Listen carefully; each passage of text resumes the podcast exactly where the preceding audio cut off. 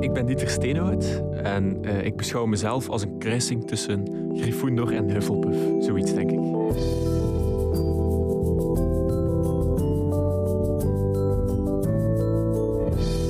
I am what I am and I'm not ashamed. Words to live by van onze favoriete halfreus Rubeus Hagrid. Want als ik mij ergens weiger voor te schamen, dan is het mijn voorliefde voor het Harry Potter-universum. Potterhead en Proud Snitches. Dus welkom bij een nieuwe aflevering van The Sorting Hat Revisited, de podcast geïnspireerd op de wereld gecreëerd door J.K. Rowling, waarin ik de boeken en films als het perfecte excuus gebruik om iemand de pieren uit de neus te halen. Die iemand is vandaag een illustrator. Bekend van zijn werk voor Dupje, de boeken van Anne Zwartebroeks, van Breinbrekers, boeken vol uh, raadseltjes, puzzels en tekeningen en vooral de nieuwe tekenaar van Jommeke, die het team versterkt om Jommeke ook de komende generaties in te loodsen. Daarnaast is hem ook nog eens een muziekproducer van Stonekite en andere muzikale projectjes, een poulain van cartoonist Lecter, die hier eerder al te gast was, en een gewillig slachtoffer voor mijn sorteergoed-experiment. Mijn toverstaf is gedesinfecteerd, dus hij mag al beginnen bibberen. Vandaag, achter de micro, Dieter Steenhout.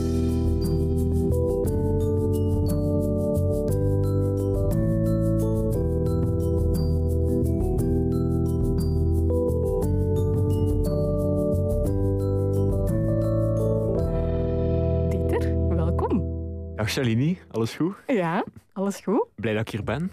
Is het, is het mij een beetje poepers of valt dat mee? Goh, voorlopig valt het nog mee, maar we zullen wel zien wat het eh, gaat geven. Want het is eigenlijk, als ik het goed voor heb, is dit zo'n beetje jouw, jouw, hoe moet ik dat zeggen, mediadebuut? Zeg ik dat correct? Ja, nationaal toch? Uh, voilà, oké. Want jij hebt al wel eens in de kranten gestaan, maar dan eerder via via eigenlijk. Ja, inderdaad. Altijd uh, ja, bij het werk van iemand anders, bijvoorbeeld van Anne Zwartebroeks. Uh, in de intro is het al vermeld geweest. Maar nu ja, zit ik hier voor de eerste keer zelf. Uh... Ja, for realsies. Wij mogen van, wat is dat, standaarduitgeverij? Ja, inderdaad. Ja, wij mogen officieel bekendmaken, jij bent een van de nieuwe tekenaars van Jommeke. Inderdaad. dus vanaf nu is het terrein vertrokken. Hè? Geen, er is geen hout meer aan. De Zwijnstein Express is vertrokken. Voilà, bam. Zie, kijk. En meteen een Harry Potter referentie. Je zit hier op je plek, jong. Het is zo wat een tendens aan het worden in deze podcast. Zo van die ja, hoe moet ik dat zeggen? Jonge gasten die nog in de pamper zaten toen Harry Potter bij wijze van spreken aan het strijden was tegen Voldemort. Maar nu, op dit moment dan, al een carrière op poten hebben staan om u tegen te zeggen. Tekenaar voor Jommeke, dat is vrij indrukwekkend, vind ik. Hoe is dat gebeurd? Goh, het is nu ongeveer één jaar geleden dat ik eigenlijk ja, daar een beetje in ben gesukkeld. Ik had een advertentie gelezen in de krant, heel toevallig, waarin er vermeld stond van ja, als je denkt dat je kan tekenen en iets kan bijdragen aan het Jommekes-universum, stuur maar iets in. Ik heb dat dan gedaan, eigenlijk. halverwege mijn stage van de leerkrachtenopleiding. Ik had er niet zoveel tijd voor, maar ik heb er toch een beetje tijd voor gemaakt. Ik heb dat dan ingezonden. Een aantal maanden niets meer van gehoord. En dan, ja, plots kreeg ik een mailtje van, ja, kijk, je zit bij de laatste, denk zes dat dat was op dat moment. Je mag door naar de volgende ronde. Ik heb dan ook meegedaan met de volgende ronde. Weer een beetje later krijg ik weer een mailtje. Je zit weer bij de volgende ronde. Dus iedereen enthousiast. Eh, dan plots was het zo de allerlaatste ronde. En dan moest ik eigenlijk gaan solliciteren hier in Antwerpen. Uh, bij Standard Uitgeverij op, uh, op kantoor. En dat was het nog tussen twee personen, tussen mij en iemand anders. En na een week kreeg ik het uh, verlossende telefoontje van Kim, onze hoofdredactrice van de strips. Van, uh, kijk Dieter, we willen met jou uh, verder in zee gaan. En vanaf toen ja, is het eigenlijk begonnen. Hoe zit dat nu eigenlijk? We zijn eigenlijk met drie tekenaars. Dus we hebben twee anciens, Philippe Dalzen en Gert van. Ja, ze doen al heel lang het vak. En zij staan mij bij om het, ja, het Jommekes handschrift eigenlijk in de vingers te krijgen. Want dat is natuurlijk zoals je een, een handschrift leert van iemand. Je moet dat perfect kunnen nabootsen en er mogen eigenlijk niet echt verschillen in te zien zijn. Philippe werkt al heel lang aan Jommeke. Heeft ook eventjes voor Studio PO gewerkt. Voor de Smurfen. En Gert, die, ja, die is al heel zijn leven vanaf zijn, denk 22 of 23, eigenlijk bezig met het Jommekes universum. Uh, nog rechtstreeks onder chef Nijs dan in de studio gewerkt, ook op Linkeroever. Dus ja, ik heb de beste bijstand die je maar kunt wensen. Ja, dus je bent eigenlijk, uh, als ik het goed voor heb, de next generation dan? Ja, inderdaad, inderdaad. Er is een beetje leeftijdsverschil. Philippe is 65, denk ik.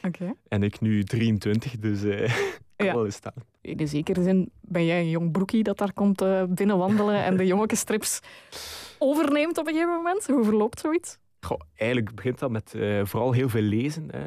Eh, alle strips lezen. En het zijn Ja. er veel. Hè. We zitten al Ja. over de 300. Dus ehm, dat, een beetje, dat de rugzak een beetje gevuld, gevuld is met materiaal. En dan is het, ja, zoals ik zei, het eigen maken van de stijl. Waar ik ja, één op één wordt bijgestaan door eh, beide tekenaars eigenlijk. Die leggen mij dan eens op de rooster met een aantal opdrachten die iets moeilijker zijn. Wie is of wat weet je over? Word, je, word jij ook, eh, is er ook ruimte voor progressie? Dat klinkt misschien een beetje raar, maar bijvoorbeeld, ik denk nu aan een, ehm, een Paul Geert, die ja, Willy van der Steen eh, op een gegeven moment is opgevolgd. Je hebt gemerkt dat Suske en Wiske in de zekere zin is gemoderniseerd. Hè? Die outfits zijn moderner geworden. Is daar ook ruimte voor? Of blijft Jommeke altijd anno, ja wat is dat? De jaren stilletjes. Jeff Nijs heeft eigenlijk een, eh, in zijn test, heeft een testament laten opmaken over Jommeke. Waarin er echt vaste regels zijn van dit kan, dit kan niet. Dus Jommeke zal altijd zijn blauw debardeurke blijven dragen. En Altijd zijn een pot, potkapsel. Altijd zijn strooien dakske. Ehm, dus ik denk niet dat er heel veel ruimte is aan het uiterlijk van Jommeke. Uh-huh. Maar wel ja, inhoudelijk. Ja, eh, smartphones komen nu voor in de nieuwe verhalen of moderne uitvindingen. De verhalen zelf ook, eh, hoe de personages met ja, realiteit omgaan. Die veranderen wel in de moderne zin. Maar ja, ik vind het wel charmant dat het zo'n beetje oldschool blijft eigenlijk. Ja, ja, ja. Je hebt ehm, sowieso ja, een grote voorliefde voor illustraties, want anders rol je niet in zo'n Jommeke-universum uiteraard. Ben je ook iemand die, zoals lector dan, die ook een van jouw mentors was, making-ofs induikt om artwork van collega's te bewonderen? Eh, zeker, zeker weten. Eh, je hebt natuurlijk de klassiekers zoals Hergé eh, van Kuifje. Die, ja, dat is natuurlijk een van de beste leermeesters om met de ogen van te stelen. Dus Hergé, die bewonder ik echt wel. Ook het Louvain-la-Neuve museum. Daar eh, kom ik regelmatig eens over de vloer. Goh, wie bewonder ik nog? Ja, Disney, dat spreekt voor zich. Dat is een van de grondleggers van de, van de strips en de cartoons en zo. Nu, onlangs ben ik op iemand gestuurd. Gestoten? Flauw, hè? En dat met een opleiding Nederlands om te kiezen. Eh, Gebotst. gebotst, ja. Ed Fabel, een Amerikaans illustrator. En dat is een ongelooflijk levensverhaal. Die man heeft eh, illustraties gemaakt voor enorme kranten, de New, New York Times en zo. Dan op zijn twintigste in de loopgraven beland, eh, in Europa hier. Dan eh, mocht hij voor de oorlogskrant daar eigenlijk beginnen tekenen ah, toen ze zijn talent hadden opgemerkt. Ja, dan om een duur was hij zo gezegd eh, bevriend of zo met Charles de Gaulle. Zat hij met Charles de Gaulle aan tafel. Ehm, Grace Kelly, hij, hij kende zo echt zo de top van de top. Dus jouw ambities zijn duidelijk. De de grote, grootste Nee, nee, nee. mensen aan tafel. Goh, nee, niet echt, maar ik vond dat een enorm verhaal. Want achteraf, het verhaal is nog niet gedaan. Hij mocht dan ook de Nuremberg eh, Trials illustreren eigenlijk. Was er live aanwezig. En dan is hij besloten rond zijn dertigste van ik ga het over een ander boek gooien. En ik ga, ehm, ik ga me eigenlijk inschrijven voor de Olympische Spelen. En hij is dan ehm, beginnen eh, schermen. Hè. En daar hij derde geworden of zoiets, geloof ik. Een Dus dat rollercoaster Dat is een ongelooflijk verhaal. Ja, wauw. Oké, van Maar we zijn weer aan het uitweiden. hè. Ja, maar maakt niet uit. Ehm, jij bent tekenaar, muzikant, producer, enfin, eh, creatief alleszins eh, zeer druk bezig. Hoort daar ook een liefde voor, voor film en boeken bij? Zeker weten, zeker weten. Als er nog tijd over is na alle creatieve projecten, Maar voilà. durf ik mij daar zeker eens in smijten. Eh, Harry Potter, Ja, dat, dat wou ik inderdaad vragen. Waar komt die liefde voor Harry Potter erin? Al van jongs af aan, ja, ik ben van 97, dus daar, daar, groei je dan een beetje mee op. Hè. Ik denk, Ja, dat is het geboortejaar van het eerste boek. Dus. Inderdaad, ja, mijn mama heeft gezegd, eh, ja, toen hij in de wieg lag, was ik eh, het eerste boek van Harry Potter aan het lezen. Echt? Naast u in de wieg. Mazzalig. Heeft ze jou, heeft, is zij ook degene die jou geïntroduceerd heeft? Of? Ehm, dat weet ik eigenlijk niet. De- ik weet gewoon dat Harry Potter er altijd al is Dat was geweest. er altijd dus- al. Ja, dat was gewoon aanwezig. Ja, ja. Inderdaad. Nu, wij kennen elkaar van de bacheloropleiding secundair onderwijs. Shout-out naar Artevelde Hogeschool. Zo. Het is vrij duidelijk dat wij allebei geen leerkrachten geworden zijn. Maar welke leraar uit het Harry Potter-universum spreekt tot, tot jouw verbeelding? Wie zou ik het liefst gehad hebben? Ik denk Hagrid. Ja? Ja, ik denk toch wel. Dat is zo de, de grote vriendelijke race van Roald Dahl, maar dan zo echt super vriendelijke, gezellige, grote vriend. Komt wel altijd af met zotte beesten die dat je dan moet eh, aaien en vastpakken. En is, vingers kwijtraken is een mogelijk eh, dat is iets minder natuurlijk. risico van het vak. Ja? Het boek ook waaruit de les geeft is ook niet echt... Nee, eh, ja. Voor als ik nog wil tekenen, hè, mijn vingers. Uw vingers is uw broodwinning. Hè? Inderdaad. In het boek is er ook een geest of zo die les geeft. Maar in de films hebben ze dat niet Ah, eh, uitgewerkt. is dat Nearly Headless Nick? Of is dat... Nee. Nee? Dus, eh, Ja, de Bloody Baron zal het niet zijn. Hè? Eh, nu ben ik... Nee, ik weet het ook niet. Maar in de films hebben ze die niet... Ja, ging waarschijnlijk nog niet met de technieken van de eerste film. Wat nogthans, want die zitten er wel in. Hè? Eh, zeker zo Nearly Headless Nick, dat is John Cleese. Mhm. Dus die zit er zeker wel in. Maar ik weet inderdaad niet wie dat die leerkracht was. Alleszins, ja, Hagrid kan ik me voorstellen dat hij tot de verbeelding spreekt van wie, wie zou er voor jou een inspiratiebron kunnen zijn voor hoe je zelf in het onderwijs zou willen staan? Is dat dan ook Hagrid of is dat dan iemand anders? Goh, ik wil er eigenlijk gewoon niet aan denken aan het onderwijs momenteel. ik kan eerlijk zijn. Tot zover de shout-out, sorry Artevelde. Ehm Sorry, ja, toch niet, sorry. Nee, dus eigenlijk, tout court zou je meer gewoon les willen krijgen van die mannen, vooral niet zelf les geven. Voilà, Ja. voilà. Want zou je dan wel graag naar zo'n zo'n school gaan? Ik heb op een soortgelijke school gezeten. Is dat echt? Ja, het was nu niet echt dat er lesgegeven werd in magie of zo. Maar eh, ik zat op Kasteelke in Brakel. En eh, dat was een uniformschool. Dus we moesten daar ook allemaal met onze bruine broek, ons wit hemdje Ah. en onze, onze bruine pul eh, lopen. En dat was in een 17e eeuws kasteel ook. Oh, maar heerlijk, ja. Waar er nog nonnetjes in wonen, nog steeds. Eh, met een groot park daar rond eigenlijk. Nog zo'n slotgracht, zo'n toegangspoort. ja. Zo eigenlijk een plek waarvan dat je perfect zou kunnen geloven dat de trappen Ja. bewegen of zo. Ja, inderdaad. En dan zo met, met kerkers en al. eh, maar ik denk dat bij ons gewoon de, ja, de wijn van de nonnetjes daarin verstopt zit en niet eh, geen gedrochten. Ja, oké. Toen ik de films aan het bekijken was, kwam er eigenlijk zoiets in mij op van Zwijnstein verandert eigenlijk evenveel van leerkrachten verweer eh, in zwarte kunsten als hoe vervond ik van zangeressen. Dat was zoiets dat mij, mij opkwam. Er is ook een vloek op. Ja, Ja, ik denk het. Geen gek nu. ja. ja maar zij is wel de, de original gangster natuurlijk. Ja, en ik Sneep, die Ja. blijft ook. Voilà, die blijft terugkeren totdat hem op de positie zit, dat hem godverdomme wil zitten ook. Voilà. Dan sterft hem wel. Ik weet nu niet. Ja, Kijken, hou je vast aan de takken van de bomen. Ja. Ehm, eerder was hier ook al literatuurprofessor Vanessa Joosen te gast ehm, van de Universiteit van Antwerpen.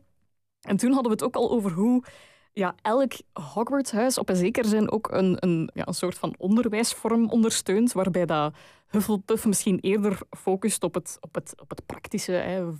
Handen, met- werken met de handen. Ravenclaw bijvoorbeeld heel erg inzet op excelleren op academische kennis. Waar zou jij jezelf het meest thuis voelen, denk je? Ja, ik denk toch wel dat ik zo'n beetje een kruising ben tussen Hufflepuff en Gryffindor. Mhm. Hufflepuff, zo dat, ja, weer dat praktische, dat gezellige, dat, dat trouwen ook een beetje.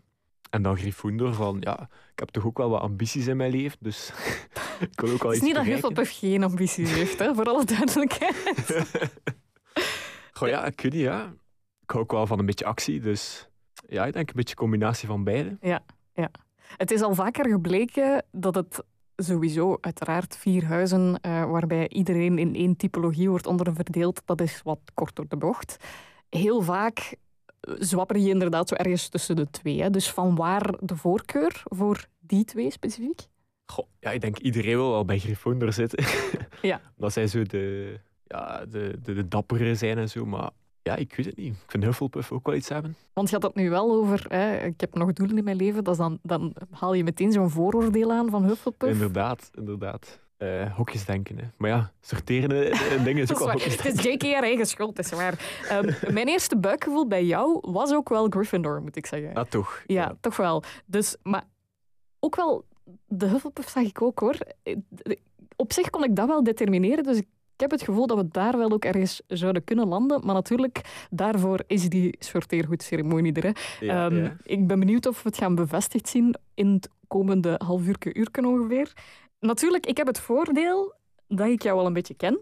En dat helpt Voordeel of nadeel? nou, dat, nou, dat, kan al ook, dat kan ook. Maar dat kan misschien wel helpen bij dat sorteren. Want ik spreek nu even vanuit voorkennis. En spreek mij tegen als ik onnozele dingen zeg. hè. Jij bent iemand die soms een beetje impulsief kan overkomen. Is dat zo? Of ben jij beredeneerder dan op het eerste zicht lijkt? Ik ben wel enthousiast en spontaan, denk ik wel. Mhm. Impulsief, misschien, maar ik denk ook wel na. Want oh ja, eigenlijk ben ik mijn eigen ook weer aan het tegenspreken. Bijvoorbeeld eh, bij de sollicitatie hè, daar voor Jommeke Ja. had ik eigenlijk voor niets anders nog echt gesolliciteerd. Dus ik heb gewoon al mijn pijlen daarop gericht. En gedacht van, dat is misschien een beetje impulsief zoals, zoals je bedoelt. Zo van, er is niet echt een ander plan nog. En gewoon direct daarvoor gaan. ja, maar op zich hoefde dat ook niet. Hè? Je was nog aan het studeren. Dat is waar, dat is waar. Meedoen met een Harry Potter podcast is misschien ook een beetje impulsief. Ik heb u geshanghaaid, laat ons daar eerlijk over zijn. Ehm, maar bijvoorbeeld, als ik nu een concreet voorbeeld uit onze voormalige leefwereld eh, kan halen. Jij bent in de opleiding secundair onderwijs verschillende keren van keuzevak veranderd. Eh, ik kon op een gegeven moment niet meer bijhouden welk keuzevak jij deed. Wat zorgt dan voor het gedacht van, ja, bon, dit is het niet tijd voor iets anders? Ja, ik wou eigenlijk gewoon ook iets meer... Ja, uiteindelijk ben ik dan gekomen bij Nederlands en plastische opvoeding. Omdat ik wou eigenlijk iets meer praktischer ook. Dus het tekenen en zo. We hebben dan modeltekenen gekregen en zo. Eh, want mijn eerste keuzes waren... eh, ik heb eerst nog Latijn gedaan, een halfjaartje. Nog een beetje Frans, eh, een beetje geschiedenis. En uiteindelijk heb ik er ook maar vier jaar over gedaan in plaats van drie jaar. Dus uiteindelijk valt het wel mee, wel na zoveel keuzes. Ja, ik vond al die vakken wel leuk, maar zo niet echt 100% mijn draai. Ja, bij Latijn voelde ik mij zo een beetje eindigen tussen de bestofte boeken en de potscherven. Zo. Dode talen, super. Ja? Dode talen. Alhoewel ik het wel leuk vind en interessant. De geschiedenis zeker, de, allee, de antieke cultuur er rond. Eh, Frans ja, was een iets minder goede keuze van mij. Ehm, en Nederlands ja, ben ik altijd al zot van geweest, van de literatuur en de, ja, de strips en zo natuurlijk. Ja, en het tekenen spreekt voor zich, dat heb ik altijd al gedaan. In hoeverre is eh, zo'n keuze dan om te veranderen van vak? Waar, van waar komt die keuze dan? Gelijk, op een gegeven moment besef je van, goh, Latijn, precies toch niet echt mijn ding. Of Frans, precies toch niet echt mijn ding. Of geschiedenis, ik vind ook daar mijn draai niet. Wat doet jou dan uiteindelijk besluiten van, we gaan toch er een andere richting aan geven? Ik denk dat ik gewoon meer en meer gedreven werd in de richting die ik... Alleen mijn mondjesmaat, hè, maar in de Mhm. richting die ik wou uitgaan. En dat was iets creatiever eigenlijk. Ja. Dus ik zag mij niet echt zo 40 jaar hetzelfde lesje geven of zo. In Latijn. Over de grammatica van de ablatief of de datief. Dus ja, ik denk dat ik gewoon stilletjes aan meer en meer gedreven ben in de richting van de creativiteit. En Ja. Want heb je eigenlijk tijdens je opleiding al beseft dat leerkracht misschien niet voor jou was? Dat het toch iets anders zou worden? Misschien dat ik daar ooit wel nog stappen in zet in het onderwijs, maar ik spreek echt over later, later.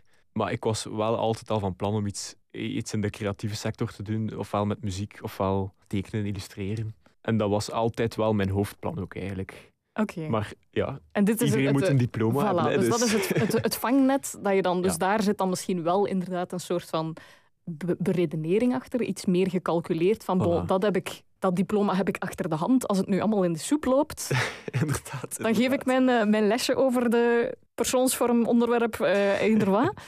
Maar als je kan kiezen, dan zal het de creatieve richting zijn. Ja, op dit moment in mijn leven wel. En ja, ik ben eigenlijk vrij content met wat ik nu doe. En eh, het gaat goed vooruit. Allee, dit jaar zijn er vier publicaties nu geweest waar ik heb meegewerkt. Dus allee, in het eerste jaar dat ik zo erin rol, is dat wel echt een, iets motiverend ook. Mhm. Eh, ja, ik ben content.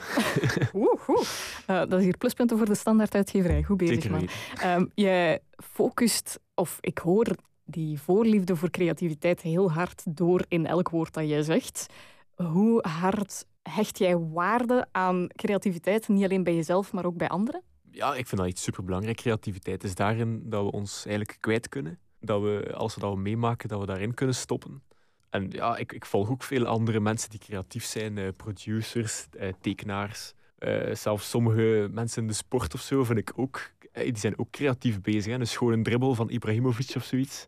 Dat is voor mij ook kunst. Hè. Daar kan ik ook enorm van genieten. Creativiteit vind ik superbelangrijk. Maar als iemand niet creatief is, dat is niet erg. Hè. Die zijn er dan om te genieten van de creativiteit van anderen. Hm. En het een is niet meer waard dan het ander, vind ik. Dus Ja. Je bent binnen jouw huidige job als, als illustrator natuurlijk nogal deadline-gevoelig. Heb je dan nodig zo'n zo'n hijgende deadline in je nek? Of kan je jezelf ook echt aanzetten om in gang te schieten? het is al verbeterd. ah, Mijn leerkrachten in het middelbaar kunnen dat wel beamen, denk ik. eh, dat het toen iets minder was. Mhm. Maar ja, het is, het is echt wel verbeterd. En nu, ik heb dat wel nodig, een deadline. Dan haal ik die ook wel. Uh, maar zo, ja, zonder deadlines in het wilde weg wel laten ronddoen, dat denk ik niet dat dat echt goed komt. Omdat ik met zodanig veel ook bezig ben. En er moet altijd wel een overzicht zijn. ja, en kan je dat zelf voorzien of heb je daar wel hulpmiddelen voor nodig? Een externe bron die zegt dan moet het af, dan moet het klaar. Oh ja, natuurlijk met uitgeverij werk je met een team. En dat, dat is ook ja, voor op de markt te brengen, hè, om te publiceren. Dus dan zit je sowieso met een drukdatum, wanneer het in druk moet gaan, uh, het, boek of zo, of het strip. Dus die is er altijd wel. Maar ik heb er wel vrijheid in dan ook om te zeggen wel, ja, hoe ik het best allemaal combineer. En dat, dat werkt wel, ja. Ik haal u mentor Lecter er nog even opnieuw bij, want dat is in eh, de eerste aflevering, heb ik Lecter gesorteerd, vond ik ook ontzettend uh, heerlijk om te zien hoe die mens dacht. Een, een gigantische stuiterbal aan creativiteit. Dat is ook een gigantische informatieverreter. Die kan echt duiken in bepaalde bronnen en daar dan compleet obsessief induiken voor, voor dagen, weken, maanden aan een stuk. Omdat het misschien ooit een keer nuttig zou kunnen zijn voor een projectje, of misschien ook niet. Maakt eigenlijk zelfs niet zo bijzonder veel uit. Is dat iets dat jij herkent, of heeft dat niets met creativiteit zijn of creatief zijn te maken? En is dat iets dat gewoon typisch is voor het prettig gestoorde brein van, van iemand als Lecter.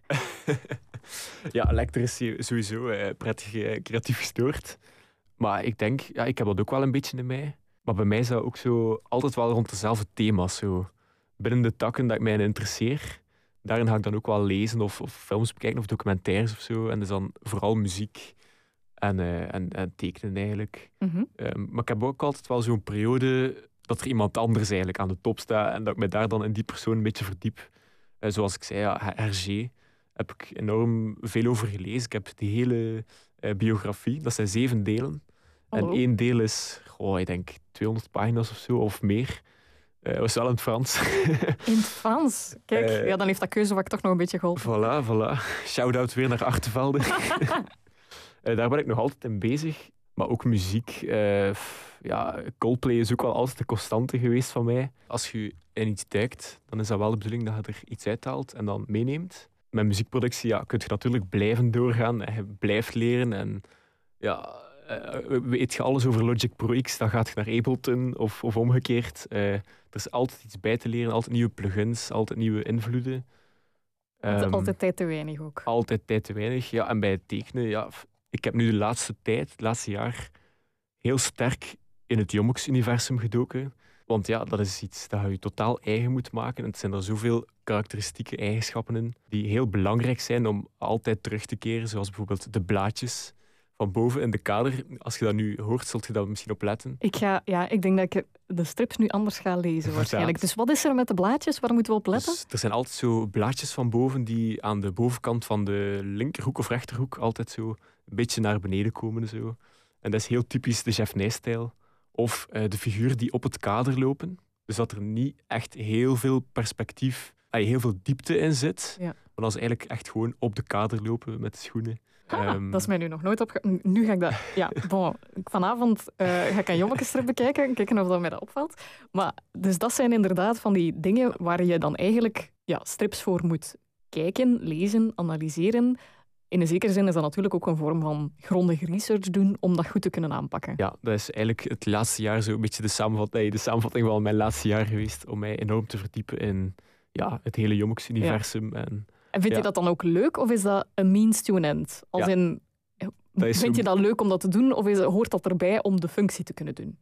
Ja, dat is super interessant, want je leert altijd iets nieuws bij. Bijvoorbeeld, Jeff Nijs heeft niet alleen een testament achtergelaten, maar ook de Jeff Nijs Bijbel, zoals ze bij ons zeggen. En dat is zo alle figuren in uh, belangrijke houdingen of belangrijke decors, uh, decorstukken en zo. Heeft allemaal uitgelegd hoe dat het juist moet tekenen. Uh, hoeveel tripjes haar dat Filiberke heeft bijvoorbeeld. Alles is exact uitgelegd. En ja, daar kunt je je in blijven verdiepen en dat is ook heel belangrijk. Opnieuw, vind je dat leuk? Want ik kan mij ook voorstellen dat als creatieveling dat dat een beperking is ik vind dat wel leuk, omdat ik er veel van bijleer. Ook tekentechnisch gewoon. Omdat het ook natuurlijk een erfenis is waar je aan meewerkt eigenlijk. Ja, ja, zeker. Ja, maar ik vind wel... Jommeke is echt wel heel plezant om aan mee te werken. Het is ook een, heel groot universum. Al de nevenpersonages. Uh, ik weet niet hoeveel er exact zijn, maar het zijn er enorm veel. Dat is ook eigenlijk een beetje zoals Harry Potter, zo'n uitdijnend universum dat alleen maar groter wordt. Inderdaad, inderdaad. Ja, we zitten nu aan 300 en ik denk 6 of 7 of zo. Je hebt al een beetje verteld over hoe het, uh, het afgelopen jaar er voor jou uitzag. Hoe start jij aan een nieuw uh, creatief project? Om een voorbeeld te geven, jij hebt ook voor deze podcast het logo mee ontworpen. Daar was al een soort van aanzet van. Ik had al een idee, er had al iemand aan gewerkt. Nicky Tondelaar die had al een soort van voorzet gegeven. Jij hebt dat afgewerkt. Hoe verloopt jouw creatieve proces? Eigenlijk heel veel nadenken. Ja. heel veel... Ik denk eigenlijk enorm veel na vooraleer er iets op papier staat of zo. Dus ik begin niet zomaar met een leeg blad papier en dan ja, begin ik kriebelen en kijken wat eruit komt. Het is eigenlijk heel veel nadenken en associaties maken en hoe kan de inhoud van de podcast zo goed mogelijk weergegeven worden in het logo. Dat was eerst een idee met zo wat wolken rond de hoed of zo. Wat ook heel mooi was en esthetisch. Allee, esthetisch klopte wel. Maar voor de herkenbaarheid dan van de sorteerhoed en zo. Allee, eigenlijk helemaal op het laatste heb ik, heb ik gewoon het, uh, het litteken van Harry Potter gewoon achter die hoed gezet. En dat werkte het best eigenlijk. Het was het herkenbaarst, het was het eenvoudigst, het krachtigst. En ja, het uitwerken van het logo was eigenlijk het minst van al werk. Het was het nadenken eigenlijk. Ja, het denkproces. En dat is dan ook echt met, ja, wat is dat dan, een, een brainstormgehalte. Je krijgt dan van mij ook nog een keer een lading van, dit wil ik. ja. En dan ga jij daarmee aan de slag. Inderdaad, inderdaad. Ja, ik had u ook zo, hoeveel... hoeveel We hebben verschillende versies doorlopen, inderdaad. Ja, hè? ik, had, Dus- ik had een heel aantal versies gemaakt en dan... Dat is ook altijd goed, hè. dan kun je de beste eruit kiezen. Ja. Zou je niet vragen aan u? Aan mij? Ja. Is er niets opgevallen aan het logo? Ik weet niet. Ik weet niet over het litteken. Of het litteken. Is dat omgekeerd? Nee, ik weet Ja, niet. ja, Ja, het is omgekeerd. ja, ja. Het is omgekeerd, want in de andere richting werkte het niet zo. En, eh, maar het staat dus omgekeerd, maar oké, bij deze. Maakt niet uit. Het, blijft, het gaat om die herkenbaarheid en dat is het wel. Voilà. Ja. voilà. Dus maar ik hoor jou zeggen, eigenlijk gaat daar vooral heel veel denkwerk aan vooraf. Dat tekenen, dat is niet zomaar iets intuïtief. Dat is wel echt vanuit, vertrekken vanuit een duidelijk plan voor ogen. Dat is ook bijvoorbeeld eh, voor, bij, bij Jommeken of zo. Ja, zijn er nieuwe houdingen die moeten uitgevonden worden. En dan is dan ook meestal foto's nemen of zo. Of kijken hoe dat in het echt is. Dus echt wel voorbereiden en niet zomaar direct iets op papier gooien. Proberen die realiteit om te zetten naar de stijl eh, waarin dat nodig is. Hè. Bij Dupje is dat dan weer iets helemaal anders. Is nog meer cartoonesk. Ik ben nu trouwens op dit moment bezig met het Dupje 2 af te werken. Dat komt er ook eh, binnenkort aan, denk november of zoiets, dat zal zijn.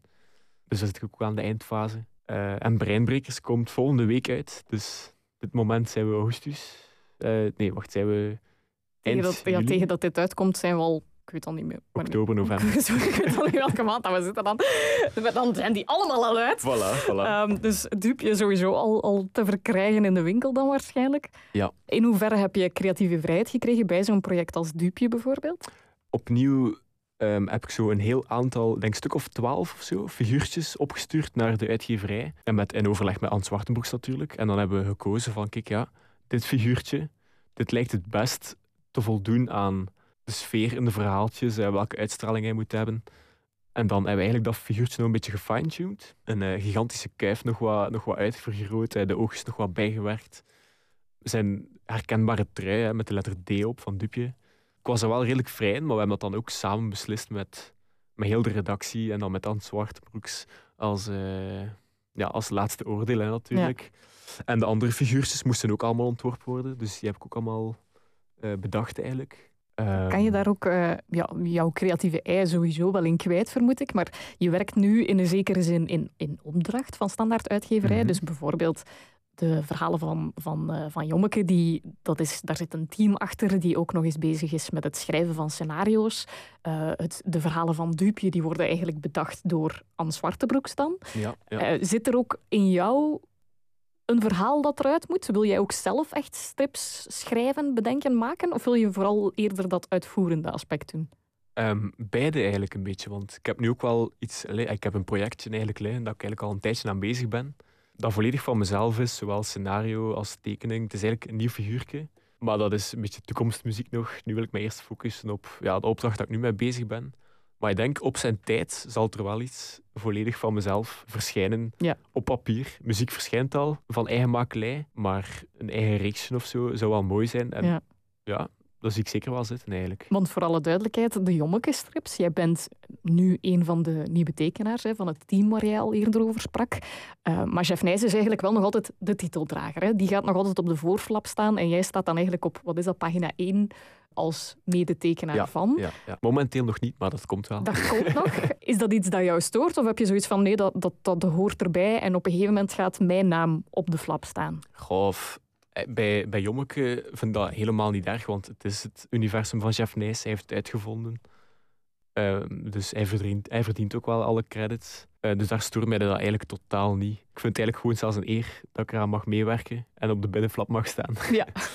maar ja, natuurlijk, ja, bij een eigen projectje, ja, dan moet mijn, mijn naam wel op Ja, ja, van. Ja, want ik wou, ik wou ook zeggen, muzikant zijn, eh, tekenaar, illustrator, al die creativiteit die, die een uitlaatklep zoekt, dat zijn ook in een zekere zin wel beroepen waarmee dat je toch wel een bepaald publiek opzoekt, lijkt mij dan. Eh, speelt erkenning mee in, in die beroepskeuze? Dat is een vraag voor de sorteerhoed. Hè. Eh? ik herken het. Het zijn allemaal vragen van de sorteren zitten. Goh, het is altijd leuk als mensen feedback geven en zeggen van, kijk, hè, dat vonden we echt wel mooi. Daar hebben we van genoten. Bijvoorbeeld voor Dupje hè, heb ik al een aantal ouders gehad die zeiden van, kijk, sinds Dupje, onze zoon leest normaal gezien niet zo graag, maar sinds Dupje zit hij toch met zijn neus in de boeken ehm, en hij geniet er echt van, en wij ook als ouder. Mhm. Ehm, dus dat is natuurlijk wel heel leuk om te horen, maar echt puur voor de erkenning en de eer doe ik het niet. Het is eigenlijk iets dat ik moet doen om mij content en gelukkig te voelen. Eh, ja, dat ei is er en dat, dat, dat moet Ja. ik kwijt. Ja. Dus, eh, En hoe kan je dat het best omschrijven? Wat is dat dan? Dat, dat, dat ei, dat moet eruit. Ehm, wat, wat is dat dan? Dat is de, de drang echt om creatief bezig te kunnen zijn. Dat Ja, is eigenlijk om iets dat is het belangrijkste. Om iets te maken. Ja. Om het, op het einde van de maand eigenlijk resultaat te zien van wat heb ik nu eigenlijk gemaakt? Wat is er nu... Wat, het- wat ligt er nu dat er nog niet lag één maand geleden? Voilà. En het feit dat je daarvoor betaald wordt in eerste instantie en het feit dat daar misschien enige naamsbekendheid bij komt kijken, is eigenlijk een mooie bonus, maar dat is niet de primaire reden waarom je dat doet. Nee, dat is inderdaad mooi meegenomen, maar ja, inderdaad, ik, ik moet gewoon iets kunnen maken, iets kunnen schrijven. eh. ja, ik denk alle weken of zo is er wel eens nieuw, een nieuwe melodie of, melodie of zo die eruit vloeit. En de tekeningen vloeien er ook wel serieus uit eh, Mhm. dit jaar. Dus dat moet gewoon, dat, ja, dat is een deel van mij, wie dat ik ben. En ook heel veel verschillende dingen, hè? want eh, ja, tekenaar, muzikant, producer, zowat dabben in van alles en nog wat. Van, van waar dan ook die, ja, die goesting of die drang om zoveel verschillende dingen te doen? Ja, beeld en, en muziek, die, dat, ik vind dat wel aanvullend of zo. Dat is ook ja, film. Hè. Ja, nochtans, het is niet dat je het een kan dat je het ander kan. Hè? Ik bedoel, Nee, ik hou van schilderen, ik kan niet eh, gitaar spelen. Hè? Maar ik heb het nogal gemerkt hoor, dat veel illustrators of zo toch zo wel iets hebben met muziek. Ja. Bijvoorbeeld hè, Gert van Look, de andere tekenaar van Jommeke, eh, die speelt ook in een bandje, dus speelt in Ja. banjo. Ehm, vroeger eh, Philippe Dazen, dus nog de andere, de andere, andere tekenaar van Jommeke, die heeft op een bepaald moment moeten kiezen tussen van ga ik muziek maken of ga ik tekenen. Ach, luxe probleem. Inderdaad. goh, Lecter is ook van alles. Ja, is, dat is ook Ja, dat merk je denk ik vooral inderdaad. Vanaf als je, als je creatief bent, dan ga je je denk ik nooit tevreden stellen met één ding. Ja, dat denk ik ook. Ah ja, en bij mij thuis, ik heb het ook met de paplepel binnengekregen. Mijn papa maakt ook eh, muziek, schildert, eh, Ja. schrijft, poëzie, eh, literatuur. Dus ja. Ja, want ik zeg dan, ik kan geen gitaar spelen, maar ik hou van zingen en ik maak een podcast. Dus allee, ja. om maar te zeggen, het is inderdaad zo dat als je het gevoel hebt van ik wil dingen creëren, dan ga je eigenlijk altijd ook andere horizonten opzoeken. inderdaad. We hadden het daarnet al over het team van Jommeke. Hè. Je hebt het al geregeld gehad over jouw collega's die samen met jou werken, die jou in een zekere zin instrueren over eh, Mhm. de, de Jeff Nijs-bijbel.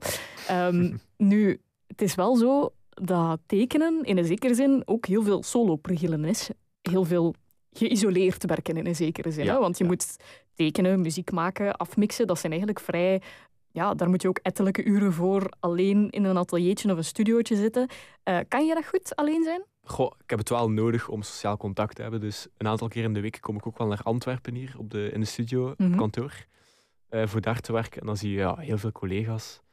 Ja, de rest van de week als ik werk, zit ik natuurlijk ook eh, een groot stuk thuis. dat is dan inderdaad eh, volle bak eh, werken en dan daarna vrienden opzoeken. Want ik heb het sociale contact echt wel, echt wel nodig. Ik ben niet zo'n eenzaad die hele dagen op zijn kamertje enkel tekent en dan niets van de er wereld weet. Ja, nee, maar er zijn ook mensen die dat daar in, in opbloeien, bij wijze van spreken. Hè? Ja. Mensen bij wie... Maar jij zou jezelf misschien dan eerder als extravert kwalificeren? Ik weet dat niet. Nee? Om het anders te zeggen. niet. Als jij nu bijvoorbeeld... eh, je, je zegt van je gaat sowieso graag alles wel naar de vloer om dat contact ook wel te hebben met collega's, wat dat logisch is uiteraard. Als jij nu zo- zo'n hele dag alleen hebt gewerkt, hoe voel jij je dan? Voel jij je dan eh, ja, opgeladen, op je gemak? Of heb je dan wel zoiets van, ik voel mij, ik heb zo nog een beetje een honger, ik moet toch wel nog tegen iemand kunnen babbelen of zo? Ja, dat wel sowieso. Eh, Ja. dan, dan vertrek ik wel eens regelmatig thuis of, eh, van Antwerpen en dan ja, nog iets gaan drinken of zo, of met vrienden of, of we gaan sporten of zo. Dat heb ik echt wel nodig. Ja. Dus ik denk toch wel eerder extravert dan. Ja, of ambivert, hè. dat kan altijd ergens tussen liggen ook. Ehm, jij werkt uiteraard vooral intiem nu, eh, zeker voor Jommeke natuurlijk. Dat is in zekere zin ook, heb ik ontdekt dankzij jou, een, een soort bijna een ambachtelijk proces te noemen, hè, waarbij dat er verschillende mensen voor verschillende functies instaan om één een nieuwe strip te bekomen uiteindelijk. Mhm. Vind je dat een fijn gegeven? Of opnieuw is dat zoiets waarvan dat je denkt van goh, dat is goed voor nu, maar ooit ga ik daar wel uit evolueren en dan zal ik de grote, de grote Dieter Steenhout zijn. Goh, ik vind het eigenlijk wel fijn om in een team te werken. Hm. Ja, omdat iedereen heeft wel iets, iets, iets te zeggen en haalt eigenlijk het beste in elkaar naar boven. En ja, nee, ik denk dat ik toch voor de teamspirit ga dan. eh, Ja, ja. toch wel. Ja. Dus eh, op zich, de erkenning mag er ook wel zijn, maar eigenlijk ben je toch wel echt een groepsdier dat, dat die eer of die credit ook wel met veel plezier wil delen. Ja, zeker en vast. Zeker en vast. Dat is mooi verwoord. Makkelijk. In hoeverre is, is jouw succes afhankelijk van andere mensen? Ja, op dit moment enorm. Hè.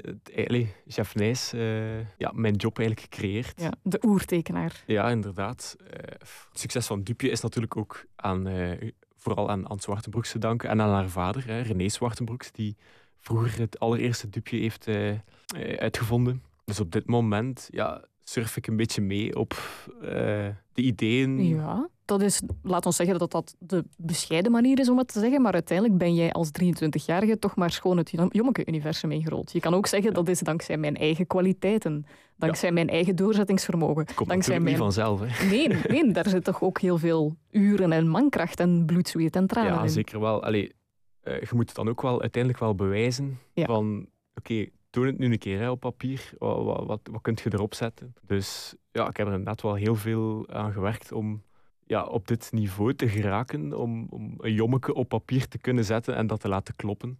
Je bent, als ik het ook zo hoor, liever een van de teamleden dan de persoon die de taken verdeelt. Ik denk op dit moment wel.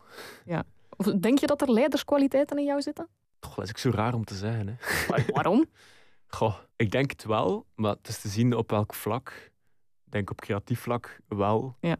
Ja, ik denk uiteindelijk wel. Maar op dit moment Dat is iets waar dat je moet groeien misschien. Maar ja, moet ik daar nog in groeien? Ja. Moet ik nog veel, gewoon veel in mij opnemen van anderen? Ja. Kijken wat de kwaliteiten zijn, hoe dat je die naar je eigen kunt vertalen. Uiteindelijk is dat ook maar gewoon klasmanagement, hè, Dieter? Didactiek komt Voilà, voilà. Ehm, Dieter, jij komt eigenlijk als tekenaar nog maar ja, net piepen. Ik denk dat ik dat zo wel mag Mhm. zeggen. Jij komt net piepen aan het firmament. Als jij nu ontzettend wild mag dromen, ik plaats jou voor in een fameuze spiegel van EasyRed, van Desire. Ja, Ehm, wat, zijn dan, wat zijn dan grote ambities? Wat zou jij graag willen bereiken? het is altijd gevaarlijk om grote ambities uit te spreken. Maar ik wil toch wel eh, eigenlijk gewoon op het pad dat ik nu zit, verder gaan en natuurlijk groeien. Dus op vlak van illustraties. Wat is onnatuurlijk groeien? Ehm, Zeer goede vraag, Shalini. Nee, ik vraag het mij gewoon af. Goh, nee, ja, gewoon eh, op zijn beloop laten gaan, lijkt dat het nu loopt. Want ja, ik ben wel serieuze stappen aan het zetten het laatste jaar. Ik zou wel, ja, die eigen reeks waar ik over sprak, zou ik wel op een dag ook wel in de winkel willen zien liggen. En eh, over welke termijn spreken we dan? Is dat, is dat een vijfjarenplan, een tienjarenplan? Oude, oude Dieter op zijn pensioenplan? Eh, iets daartussen. Heerlijk ehm, diplomatisch antwoord. Ja. Zeker en vast. Eh, ja, en met de muziek heb ik ook wel nog een aantal ambities. Mhm. Uh, maar dan zien we wel uh, waar mij dat brengt. Ik ben nu bezig met een nieuw projectje ook. Uh, dat is een beetje een mengeling tussen rock en elektronica, maar mijn eigen sound. Dus ik ben benieuwd hoe dat er daar eigenlijk gaat op gereageerd worden. Heb je daar al een naam voor? Want voor alle duidelijkheid, mensen die willen horen hoe dit er klinkt als, als muzikant, Stonekite. Maar wat is het andere project? Stonekite, dat is het project van, ik denk twee jaar geleden of zo. Daar ben ik bezig met een aantal singles voor te maken. Um, maar nu met het andere project, ja, dat is nog volop in de maak. Mhm. En dat komt pas. Dat heeft nog geen naam. Ook. Dat heeft, uh, dat heeft ja, niet echt eigenlijk. In wording. In wording, in wording. Wel, als het dus tegen dan... kan ik nog niets eigenlijk voilà, maar Als het een naam heeft tegen dat we deze online knallen, dan zetten we die ook even in de show notes. Voilà, hè, dus dan kan dat ook worden opgezocht. Um, wat ik sowieso nog wou weten, omdat jij komt ja, toch beredeneerder over dan ik aanvankelijk dacht. Ik ben ook benieuwd naar jouw emotionele intelligentie. Want jij komt inderdaad wel heel hard over als een teamplayer. Hè? Als, Mhm. als iemand die graag in team werkt, daar ook goed in functioneert. Hoe zit het met jouw emotionele intelligentie? Wat een vraag. Ah, Daar, daar ga je voorbeelden voor moeten geven hoor. Ah, oké. Om het Harry Potter voorbeeld te geven, er is uiteraard de dynamiek tussen Ron en Hermione, mhm. waarbij Ron niet altijd even emotioneel intelligent uit de hoek komt. Ja. En Hermeline de befaamde quote uit Just because you have the emotional range of a teaspoon doesn't mean we all have. Als in, die scène. ja, Ja. niet iedereen is natuurlijk even incapabel in het delen met, met emoties van bepaalde mensen. Hoe, hoe goed schat jij je eigen kunde daarin? in? Ik denk toch wel goed. Allee, ik denk dat ik altijd wel rekening houd met andere mensen hun emoties en over iets denken zonder mijn eigen aan de kant te schuiven. Maar ik hou er altijd wel heel veel rekening mee, denk ik. Eh, Ehm, Ben jij ehm, iemand die ten alle koste conflicten wil vermijden of eerder niet? goh, conflicten zijn niet zo leuk, dus... Ja, nee, nee, maar je, je hebt daar verschillende marges in. Hè? Om bijvoorbeeld de huizen er nog even bij te halen. Hufflepuff is, is een heel conflictvermijdend huis in die zin dat eigenlijk het grootste gevaar een Hufflepuff is om ehm, aan de kant geschoven te worden, inderdaad. Ja, Omdat ja, ze zo graag de lieve vrede willen bewaren, Mhm. dat ze liever hun eigen mening of hun eigen verzuchtingen eerder aan de kant zullen laten zetten om toch maar de goede vrede te kunnen bewaren. Terwijl iemand als een Gryffindor is veel meer dit is juist en potverdekken, je gaat het Mhm. weten ook, want ik vind dat ik dit moet zeggen. En als ik dan tegen uw schenen schop, dan is het ook maar zo. Dus dat is eigenlijk een compleet tegenovergestelde houding daarin. Goh, ik denk dan ja, weer zo die, die combinatie, die kruising tussen de twee. Je maakt het mij niet makkelijk, hè? Nee, eigenlijk echt niet. hè. Conflicten ga ik vermijden, maar een conflict kan ook een keer goed zijn Ja. om verder te geraken en om stappen vooruit te zetten. Ja. Want altijd maar blijven voortploeteren en dan onderdanige rollen aannemen, dat is ook niet echt. Nee, dus je weigert wel sowieso om over je heen te laten lopen. Ja, dat wel. Dat wel. Ja. Sowieso. Ben je dan iemand die het hart op de tong heeft? Of ben je eerder zo'n herkauwer die achteraf pas zegt van tju, ik had dat moeten zeggen? Of... Ik denk dat mensen wel rap merken aan mij van hoe dat zit en Ja. hoe dat de vork in de steel zit. Maar iedereen heeft ook wel zoiets, natuurlijk, als je dan thuis komt van... Ai, ik had het misschien beter zo gezegd. maar wat er op dat moment, ja, hoe dat op dat moment in mijn hoofd zit, dat zal er dan ook wel uitkomen, denk ik. Ja, toch wel. Ja. ja. Dus wel een beetje het principe van what you see is what you get. Ja, ja toch wel. Ik zit met een ehm, bizar fenomeen. In die zin dat we volgens mij niet belanden waar we dachten dat we gingen belanden. Er zitten wel facetten van Gryffindor in jou, voor alle Mhm. duidelijkheid. Maar ik merk eigenlijk dat er ook heel veel Ravenclaw in jou zit. Oké. Ja. Verrassend. Ehm, ik heb de indruk, Slytherin kunnen we al determineren, denk ik. Kunnen we uitsluiten, omdat ik heb de indruk, als ik jou bezig hoor, hoe jij omgaat in het algemeen met sociaal omgaan met andere mensen, jij lijkt mij niet bepaald iemand... Jij lijkt mij geen manipulator. Iemand die bepaalde dingen gaat proberen om dingen gedaan te krijgen. Dat is... Maar spreek mij tegen, hè? Nee, nee, nee, nee ik, eh, ik volg u. Je- Oké. Dus in dat opzicht ben jij niet zo iemand die, ehm, net omdat jij zo spreekt over de voorliefde voor werken in team, gedeelde efforts, teamwork, ook niet het erg vinden om daarin erkenning te delen of zo. Dat is iets dat heel Hufflepuff is, heel atypisch Slytherin Mhm. is.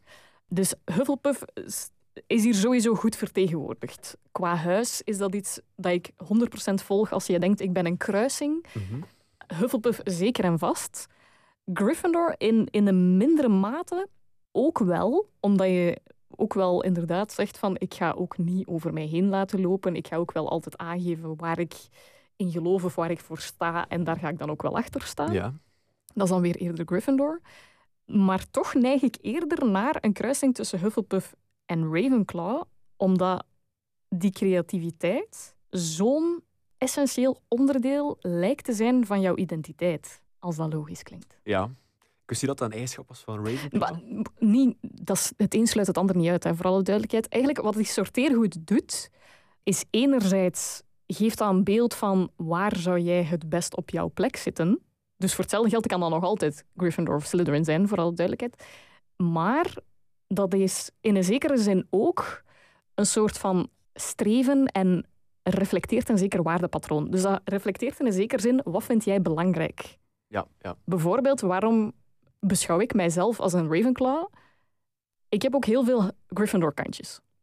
Maar voor mijzelf, ik zou mezelf nooit benoemen als een Gryffindor. Eerder Ravenclaw, toch? Eerder Ravenclaw. Waarom? Omdat ik zoveel waarde hecht, niet alleen bij mezelf, maar ook bij mensen om mij heen. Ik omring mij graag met mensen die ontzettend nieuwsgierig zijn. Ja. Met mensen die overlopen van, van, van creativiteit, van ideeën, van plannen, van wilde projecten, van mensen die, als je daarmee praat, je goesting geven om zelf ook in gang te schieten. Ja, en dat, is, echt wel een deel van u. Dat kan ik alleen maar bevestigen, want als ze smiddags in de opleiding iets gingen gaan eten of zo, dan ging je terug naar huis met 12 nieuwe films, 17 nieuwe series en 13 nieuwe boeken die je moest lezen van u. Voilà. Dus dat is iets dat, dat zo inherent hoort bij mezelf, wat ik ook apprecieer in andere mensen. Dat, dat is voor mij zo essentieel aan wie ik ben, dat mij dan doet neigen naar Ravenclaw. Omdat ik denk, dat soort mensen, die ik dus zou kunnen appreciëren, waar ik heel graag vrienden mee wil zijn ook, mhm. die zitten daar. En ik zou mij daar enorm op mijn plek voelen. Mhm. En het is dus enerzijds het reflecteren van wat apprecieer jij, wat vind jij aangenaam in mensen, anderzijds ook een soort van streven. Als in, wat, wil, wat vind jij belangrijk in je leven? Hoe zou jij in de beste omstandigheden omgaan met problemen, reageren op bepaalde hindernissen. Hoe zou jij, wat voor soort mens zou jij in ideale omstandigheden willen zijn? Ja, En ook dan kom ik uit bij Ravenclaw, net omdat ik zo graag omringd word door dat nieuwsgierige, dat gevoel van zoveel te doen, zo weinig tijd. Zoveel te ehm, leren. Voilà. Al word je 150 jaar, het zal nog te weinig zijn, want er is zoveel te zien, te lezen, te ontdekken. Daar sluit ik bij wel bij aan. Ja. ja. En dat herkende ik inderdaad ook bij jou. Mhm. Omdat, wat heb ik hier opgeschreven, die, wat heb ik hier opgeschreven als, als elementen die heel erg Ravenclaw zijn? Ja, die creativiteit, dat is overduidelijk. en dat, dat, dat, blijft elke keer als een soort van rode draad terugkeren in dit gesprek. Creativiteit is voor jou zowat jouw, jouw reden om op te staan, om uit mhm. je bed te komen s ochtends. Die thema's, het feit dat je graag een soort van expertise opbouwt, en dat kan zo breed of zo... Allee, dat hoeft niet enkel op het vlak van muziek of tekenen te zijn, wat heel typisch geassocieerd wordt met creativiteit. Maar mhm. bijvoorbeeld wat je zei, die dribbel van god weet wie. Ibracadabra. Voilà. Ja. dat, ook dat hoort bij dat expertise opbouwen, dat u verdiepen, research doen, u voorbereiden. De Chef Nijs-bijbel, ook dat hoort bij u vastbijten in dingen en dan niet meer willen lossen. Vanuit een bepaalde nieuwsgierigheid, vanuit een bepaalde drang om dingen te doorgronden, om dingen te analyseren, om daar ook plezier uit te halen. Ja. Om ook wel in een zekere zin een bepaalde erkenningsdrang te hebben, maar dat is nooit het doel, enkel een neveneffect. Ook dat is heel erg Ravenclaw, omdat de erkenningsdrang uit zich anders bij zowel een Gryffindor als bij een Slytherin bijvoorbeeld. Ja, ja. Dus vandaar dat ik eerder bij zo'n kruising Ravenclaw-Hufflepuff uitkom. En dan is eigenlijk vooral bij jou de vraag... Wat wilt je? ja, herken je dat? Voelt dat of leest dat als jou? En waar zou jij je, denk je, het meest op je gemak voelen? Goh, na deze analyse ga ik mijn eigen toch helemaal anders in de spiegel bekijken nu, denk ik. Maar Ravenclaw, ja, het is ook niet dat ik zo loop, te, loop uit te pakken met weet of zo. Of zo. Ja. Eh, dat, dat zat vroeger in mijn hoofd, dat Ravenclaw zo de... De, de bedweters. Ja. Dat is, dat is waar. Niet dat daar iets mis mee is, Dat kan, ja, zie ik eigenlijk, eigen niet. je, hebt altijd, je hebt altijd zo de, ehm, de allergieën van bepaalde huizen. Hè? Dus waar, dat, waar dat ik bijvoorbeeld van zei, een Hufflepuff loopt het gevaar om ja, allemansvriend en eigenlijk alles aan de kant te zetten om toch maar bevriend te zijn met iemand. Soms op het gevaar van schijnheilig over te komen misschien. Een ravenklauw ja, kan heel erg snobistisch zijn, heel erg bedweterig zijn. In de slechtste omstandigheden natuurlijk. Hè. Als je zegt van, oh nee, uw, uw muzieksmaak is niet, dat is niet de juiste muziek. En Zo'n dingen, dat zijn inderdaad de, de, de, laten we zeggen, de slechte dingen waarvan, dat je, waarvan dat je erop zou kunnen afketsen. Is er Je maakt me echt niet gemakkelijk uit. Nee, maar je hoeft, je hoeft, ja. In principe, Goh. dit is een fictieve, hè, dit is een fictieve sorteergoed waarbij dat je nog altijd gewoon kan Ik ga zeggen, niet naar huis vooraleer. als in, Goh. bij die hoed blijft, en dat blijft in elke aflevering terugkeren, dat gaat ook altijd essentieel blijven, de keuze van jou blijft altijd ten alle tijden cruciaal. Dus dan is het echt van, ja, wat, wat, is, wat zijn jouw ambities, aspiraties en waar komen die het meest tot hun recht? Wel, hè, eh, Shalini, ik denk dat ik toch voor Ravenclaw ga gaan. Toch? Ja, ik denk het toch wel. Je hebt mij overtuigd met uw argumenten. En, eh, we gaan die een jingle hier opnieuw moeten inspreken. Ja, dat is het punt, ja. ja, Toch nee, Ravenclaw. ja, en, wa- en Ravenclaw. waarom dan? Wat geeft de doorslag? Goh, gelijk dat gezegd, bij Hufflepuff zo dat het om duur over u laten lopen is. En Ja, ook dat is dus in de slechtste omstandigheden slechte natuurlijk. Hè? Want uiteindelijk dat hele, de voorliefde voor dat teamwork en, en Maar zowel dat je zo een visie hebt, denk ik wel dat dat ook Ravenclaw is. En dat je zo ja, allee, opstaat met die creativiteit. Ja. Ermee gaat gaan slapen, dat dat zo constant is. Dat je graag... Ja, ik denk toch wel Ravenclaw. Het is, het is misschien inderdaad de, de...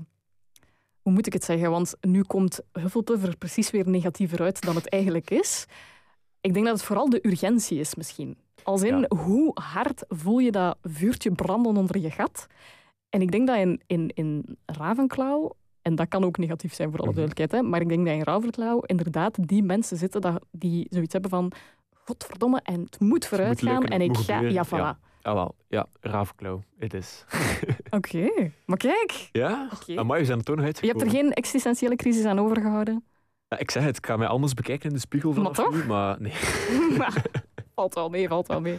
Oké, maar dan, dan sluit ik heel graag af door het, door het jou te laten zeggen. Hè. Jij bent Dieter Steenhout en je beschouwt jezelf. Als een Ravenclawer. Maar kijk, dankjewel. Dieter. Merci, Shalini. Een Yule in your honor, want je bent alweer aan het einde gekomen van een aflevering van de Sorting Hat Revisited. Grijp je eigen quill om een review achter te laten via Apple Podcast of laat de Rita Skeeter in jezelf los via Twitter of Facebook at ShaliniVDL of hashtag The Sorting Hat Revisited. Ook volgende zondag kan Herman Duffeling niet vermijden dat er een nieuwe aflevering klaarstaat in die apps. Dus abonneren, luisteren en genieten van de magic. So long, don't let the nargles bite en tot volgende week, Mischief Managed.